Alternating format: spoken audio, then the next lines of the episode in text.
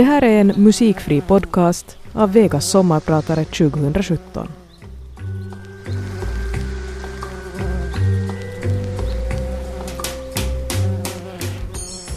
Jag ser en man som bär tårrullen på axeln. Jag är i Helsingforssynagogan och känner mig förvirrad och generad eftersom alla pratar svenska och jag förstår ingenting. Judarna omkring mig pratar livligt. En gammal man håller på att berätta en vits till någon annan jude. Hela gudstjänsten tycks vara en livsbejakande show. Man sitter inte asketiskt och tyst här. Man skvallrar och gestikulerar och tittar då och då mot Biman. Biman är en förhöjning, en liten estrad mitt på synagogan där rabbinen läser Toratexten. Shh, säger han. Shh. Nu borde församlingen be på hebreiska och församlingen säger också Shh. Nu ska alltså judarna hålla käften och koncentrera sig på gudstjänsten. Men efter några minuter fortsätter allt som förut. Shh, igen. Shh. En gammal man frågar mig en typisk judisk fråga på svenska. Vems son är du? Jag skäms, jag är nio eller tio år gammal och förstår inte frågan. Jag borde ju kunna svenska, judarnas modersmål, men hemma hos oss pratar vi bara tvångsfinska. Jävla tvångsfinska! Om jag kunde svenska kunde jag kommunicera flytande med Fafan. Han talar finska mycket knaggligt och jag skäms att jag inte kan hans och pappas hemliga språk. Språket är nyckeln till judarnas mystiska värld. Om jag bara kunde prata svenska flytande skulle dörren öppna sig och jag skulle äntligen förstå varför den där mannen i synagogan hade tåran på axeln. Så var det för eh, 46 år sedan. Svenska och judendom blandades samman i min fantasi. Hejsan! Jag är Ruben Stiller. Jag är din sommarpratare idag. Och eftersom jag pratar svenska är jag fri som en fågel. Ingen censur idag. Ni är hjärtligt välkomna till programmet. Det var en eh, låt på jiddisch på min farfars modersmål. Han pratade svenska med min pappa men grälade med min farmor på jiddisch. Min pappa pratade finska med oss och grälade med min mamma på finska. Alltså tre generationer och tre språk. Det här är för mig den stora klyftan inom pappasläkt. Om man hela tiden byter språket skapas det också ett tomrum. Jag vandrar i det här tomrummet och tittar på kartan men kan inte förstå vad jag ser. Varför ville pappa för andra gången byta språket i släkten? Ville han att vi skulle bli assimilerade och inte höra till två minoriteter? Vad tänkte han? Jag vet ju inte sanningen, jag kan bara gissa vad han tänkte. Han hade nog ett ambivalent förhållande till assimilationen. Å ena sidan borde vi vara som alla andra, men å andra sidan borde vi vara någonting annat. Vi borde höra till judarna, men han berättade inte mycket om den judiska kulturen eller om religiösa traditioner. Han eh, prenumererade på Hufvudstadsbladet, läste hellre på svenska, tittade på FST-nyheter på TVn, lyssnade på svenska radioprogram eh, men pratade finska med oss. Senare började vi med bror som pratade svenska med honom. Vi hade lärt oss svenska i Nummis gymnasie och hade sommarjobbat i Sverige och försökte vårt bästa. Han var glad men inte överraskad. Det var som om han hade haft glimten i ögat och tänkt att det här var hela idén med tvångsfinskan. Vi märkte att det var lättare för honom att uttrycka sig på svenska och ville eh, förstås också höra berättelser om släkthistorien. Men han teg på två språk och ville skydda oss och sig själv. Det här är väl typiskt för många judiska och icke-judiska familjer. Det är bäst att leva framåt, man borde inte titta bakåt. Man vill skydda barnen, men barnen vill senare veta om allt som var tabubelagt. Vi pratade till exempel aldrig om förintelsen. Men när jag en gång hade en brun skjorta på mig kommenterade han ironiskt att man kanske kunde välja en annan färg i vår familj. En annan gång såg han Hitler på TV utan ljud och började skratta. Och jag var rädd för den där clownen, sa han. Ingenting annat. Pappa hade en låg profil som jude. Det var ett typiskt beteendemönster i hans generation. Man borde inte provocera majoriteten, man ska akta sig. Man borde visa för majoriteten att man är en finländare. Jag har haft ingen lust att understryka att jag är en finländare. Jag har velat provocera. Men eh, har det varit uh, klokt? Nåja. Låt mig berätta en släkthistoria. Nej, inte från min familj utan från Sigmund Freuds familj. Sigmund går på gatan med sin pappa Jakob. Pappa berättade för Sigmund att en antisemit hade en gång skuffat honom på gatan i staden Tysmenitz och kastat hans hatt till diket. Och vad gjorde du? frågar Sigmund.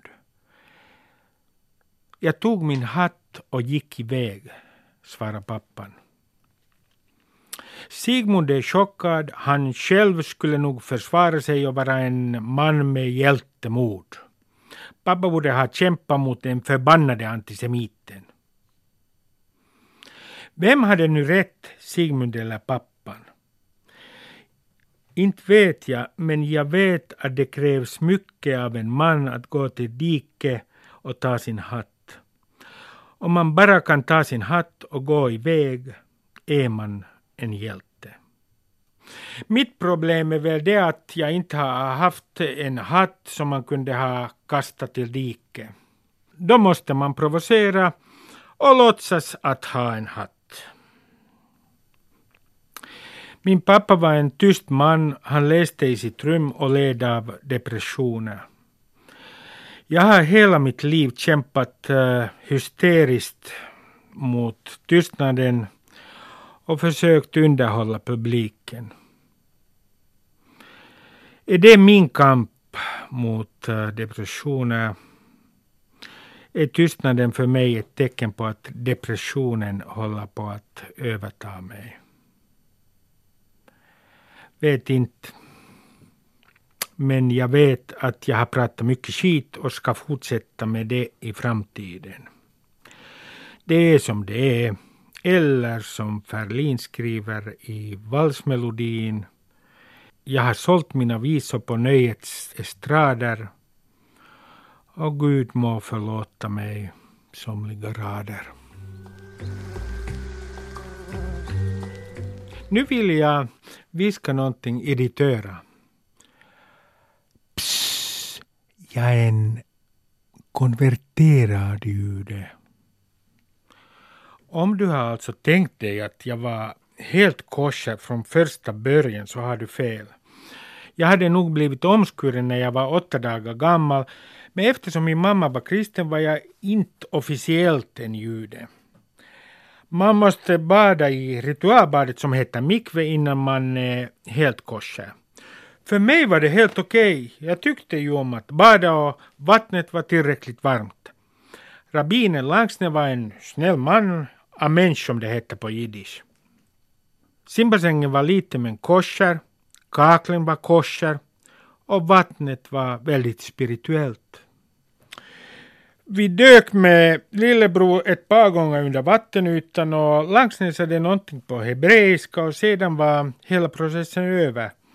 Jag förstod förstås inte ett ord av bönen, men det stödde mig inte alls för att jag är ju van vid att inte förstå vad man säger till mig. Ännu idag, förstår du. Jag var 13 år gammal när jag började livet som en officiell jude. Jag kan alltså jämföra livet som en omskuren icke-jude med livet efter mikve, ritualbadet, som en officiell jude. Den största skillnaden är att jag var kortare som en omskuren icke-jude. Och tro eller inte, men jag förstod först när jag var 19 år gammal att jag hade blivit konverterad när jag var 13.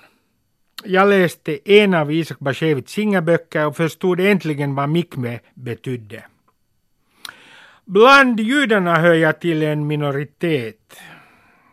Den här minoriteten är så enfaldig att medlemmarna inte förstår när de har blivit judar. Efter mikve hade jag min bar mitzve som på sätt och vis motsvarar konfirmationen. Jag skulle bli en man med fulla rättigheter i församlingen. Men för att ha bar mitzve skulle jag kunna sjunga en viss bön. Och jag hade inte gått i judiska skolan, kunde inte hebreiska, kunde inte läsa hebreiska bokstäver. Vad fan kunde jag göra? Jag lärde mig bönen utan till och fick ett fantastiskt råd. När man låtsas läsa hebreiska framför församlingen ska man vända huvudet från höger till vänster, inte från vänster till höger. Så läser man hebreiska. Det här minns jag ännu idag. Det är en del av mitt credo. Alltid från höger till vänster. Alltid från höger till vänster. Alltid från höger till vänster. Från höger till vänster. Från höger. Vi bodde på landet i Nummis, 70 kilometer från Helsingfors. Då och då gick vi i kyrkan där och såg en jude på korset. Han var i toppkondition och såg ut som en idrottsman. Det var svårt att tro på Jesus lidande om man har sett altartavlan i Nummis kyrka. Jag hörde också rykten om Moses som ganska ofta var på dåligt humör och trött på andra judar. Den ena juden hängde på korset och den andra juden såg en brinnande buske som brann utan att brinna upp. Judarna var överallt. Man hörde hela tiden berättelser om judar som antingen var släkt med Gud eller hade ett speciellt förhållande till honom, hennom eller henne. Jag lärde mig att eh, tycke och smak är olika. Judar eh, tror mera på Fadern än Sonen och kristna både på Fader och Sonen. Det är en smakfråga och man borde aldrig debattera om spirituella smakfrågor.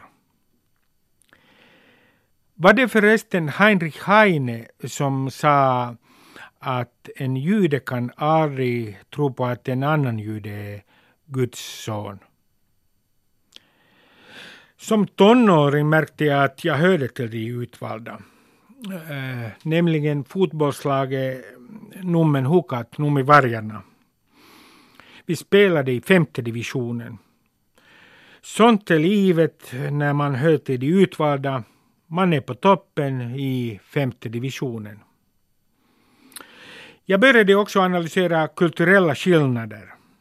I kyrkan var stämningen väldigt allvarlig. Man tycktes vara medveten om att äh, man hade syndat. I synagogan kunde man skratta och prata om IFK. Jag kan inte säga vad som är bättre för själen, kyrkan eller synagogan. Men som en judisk agnostiker eh, trivs jag bättre i synagogan. Det är ju intressant att debattera om IFK mellan böner som jag inte kan förstå. När jag var 16 läste jag första delen av Henrik Tikkanens gatutrilogi i mitt källarrum i Nummis. Boken förändrade mitt liv. Jag blev en revolutionär som predikade på vardagsrummets bord och viftade med sanningens flagga. Det var min revolution mot mammas konservativa åsikter. Mamma var en österbottning från Evijärvi. Eh, hon var mer expressiv än de flesta judarna. Man säger att eh, det är lättare att förhandla med en terrorist än med en jiddisch mamme, alltså med en judisk mamma. Jag kan säga att det här också gällde min österbottniska mamma. Hon var envis, dominerande och alltid eh, beredd att överdriva. Hon lärde mig att försvara mina åsikter och överdramatisera livet. Hon var en gående opera, hon kämpade ända till det bittra slutet och slog uh, ofta huvudet mot väggen. Hon tänkte väl att det var mer dramatiskt än att öppna dörren. I konfliktsituationer liknar jag ofta min österbottniska mamma men tänker efteråt som min pappa. Pappa tänkte inte svartvitt, han hade en liberal attityd till livet. Jag är bara en efterklok liberal. Det är lätt för mig att vara liberal när jag är likgiltig. Det kostar ingenting. Ofta är jag bara liberal därför att det låter bättre. Det är skönt att gratulera sig själv och känna sig som en god människa. Pappas liberalism var någonting djupt. Det var en trosbekännelse. Min liberalism är mest en urban karamell utan kärna. Jag är det bortskämda barnet som surfar på varats olidliga lätthet. Men jag har nog en djup övertygelse eller livsåskådning. Jag har alltid varit mycket liberal mot mig själv. Jag har gjort mitt bästa för att skydda och försvara Ruben Stiller minoritetens rättigheter. Jag har tolererat minoritetens dumheter och försökt trösta honom med självironi. Men hör du, säg någonting om Tikkanens trilogi. Jo, jag läste alla hans böcker och började revoltera mot fasader. Detta har varit en huvudtematik i mitt liv.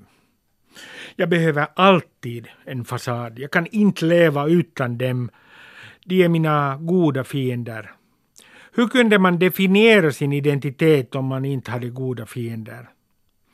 En borgerlig fasad är för mig en spegel där jag ser mig själv som en cynisk hjälte. Min hustru har redan tröttnat på att lyssna på min kritik mot den förskräckliga borgerliga skenheligheten. Hon har ju lyssnat på mig över 20 år och vem som helst skulle ha blivit halvgalen på att lyssna på en man som ligger på soffan vid Fabriksgatan och tjatar som Arne Anka. Nå, dels baserar sig kampen mot fasader på min egen besvikelse.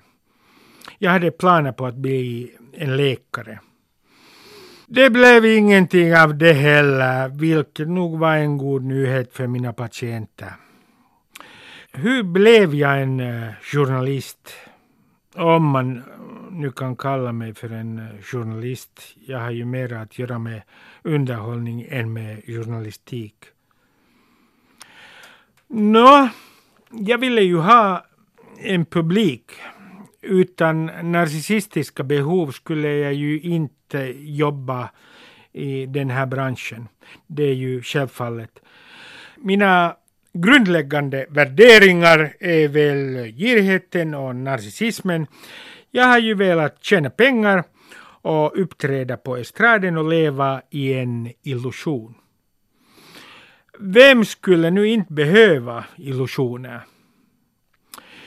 Jag ville inte tjäna det finska folket eller hade en djup kallelse om att äh, befrämja jämlikheten i Finland.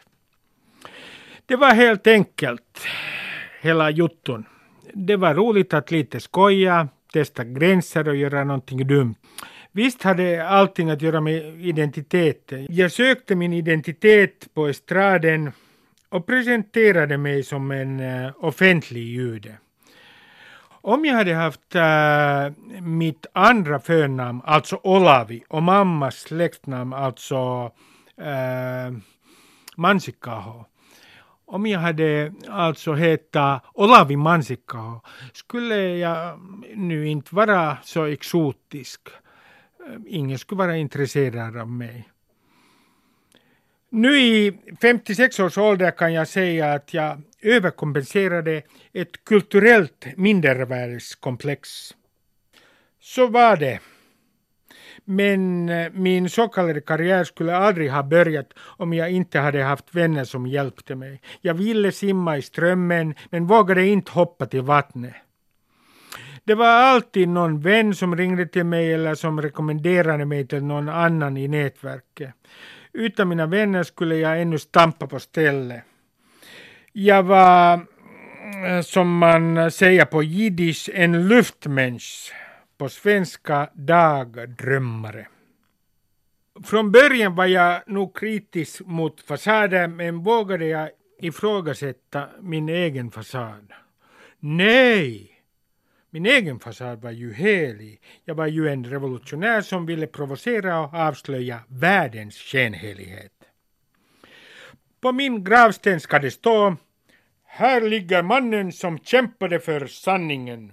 Den här gravstenen är också en borgerlig fasad.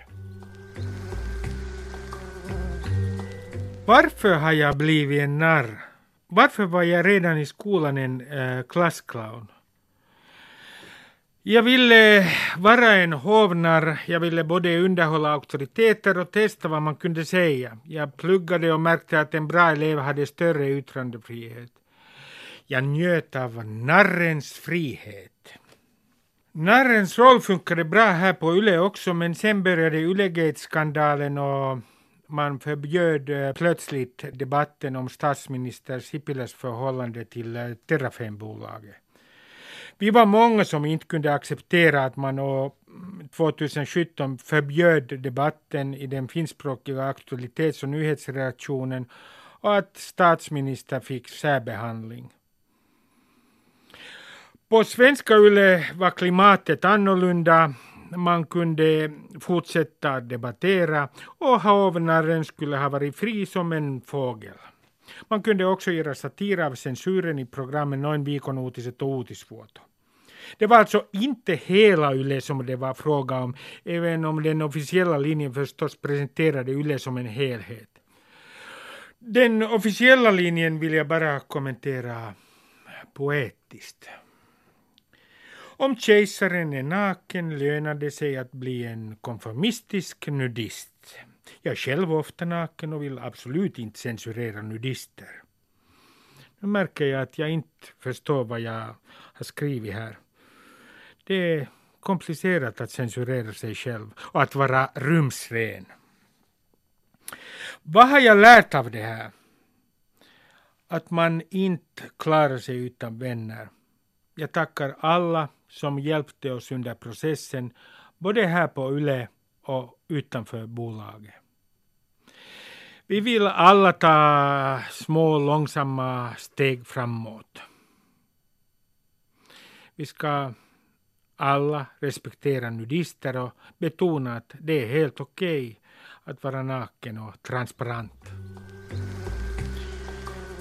Jag har pratat mycket om identiteten. Mina rötter hänger i luften.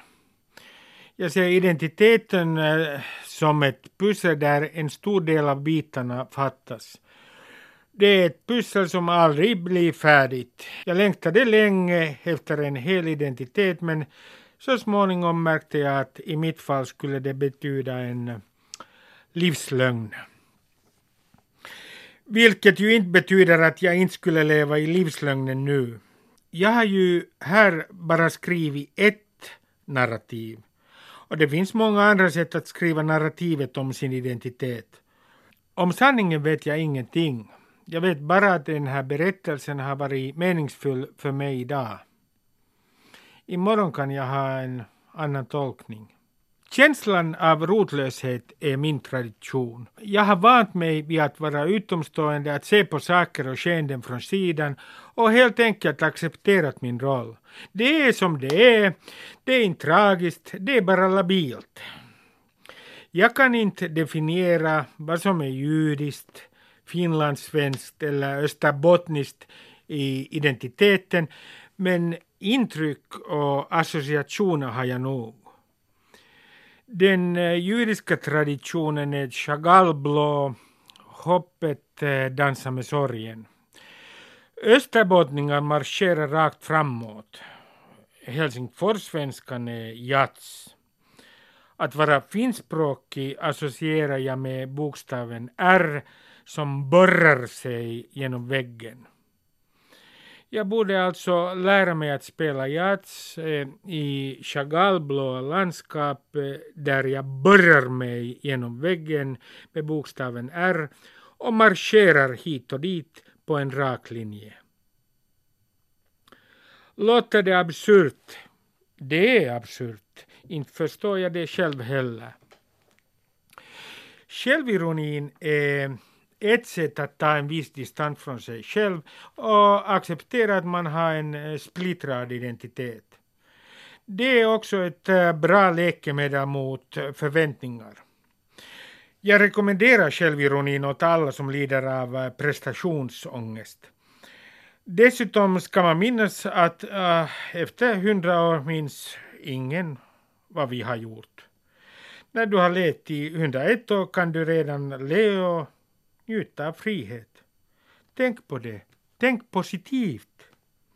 Och om du känner dig lika utomstående i det här landet som jag, tänk på fest på slottet på självständighetsdagen. Finland fyller ju hundra år och vad ska de här finnarna göra? Eh, jo, de skakar hand med presidenten och hela folket tittar när man skakar hand med hans majestät. Om det här är årets verkliga höjdpunkt är det väl bäst att vi tar en viss distans och låter dem göra vad de vill. Att vara en sann finne är i själva verket lätt. Gå i bastun, titta på TVn, hur presidenten skakar hand med medborgarna och sen ska du bara njuta av vinter och fortsättningskriget i repris. Det är ju fantastiskt det här. Världens sannaste finne kan prata sitt modersmål utan att säga ett ord på svenska. Han sitter i sin lövgrav med hotbilder och smäcker sin identitet med en sann finsk nostalgi. Det är många som är inte där på slottet på självständighetsdagen. Asylsökande hör inte till slottets så kallade tradition. Därför vill jag sluta med min farfars röst. Bandet är från Yles arkiv och du kan hitta det på webben. Rubriken är På flykt undan judeförföljelserna. Abraham Stiller läser sitt brev till myndigheterna och brevet är lika aktuellt idag. Att dessa några judar skulle utgöra en fara för Finland förefaller mindre troligt. Om även några av dem gjort sig skyldiga till mindre förseelser och av en eller annan orsak kan misstänkas så finns det ju i vårt land häkten och fängelse för dem. Att för sådana förseelser döma dem till en sådan resa vore likvärdigt med att döma dem till döden. Helt säkert är att intet av de så kallade brott vilka dessa flyktingar begått kan förverka den internationella politiska asylrätt som de åtnjuter, åtminstone som de ej blivit dömda av finsk domstol. Har icke skrivit detta enbart som jude utan även som finne anser de om denna fråga, Gud bevare, skulle lösas på ett hänsynslöst sätt skulle detta medföra obotlig skada för vårt land anseende som en västerländsk rättsstat. Flyktingarnas största brott är och förblir att de icke valt riktiga föräldrar. Det är sant, jo. Enligt vissa nya ideologer. Straffen är mycket hårda för en sak som varken gudomlig eller mänsklig makt kan ändra. I hopp om att den rätta saken segrar i rätt tid, vilket jag aldrig betvivlar, tecknar jag högaktningsfullt Stiller. Det var alltså min farfar på jiddisch Zeide Abraham Stiller. Jag heter Ruben Stiller och jag har varit din sommarpratare idag. Sköt om dig, en dag i sänder. Yle Vega. Det här är Yle Vega.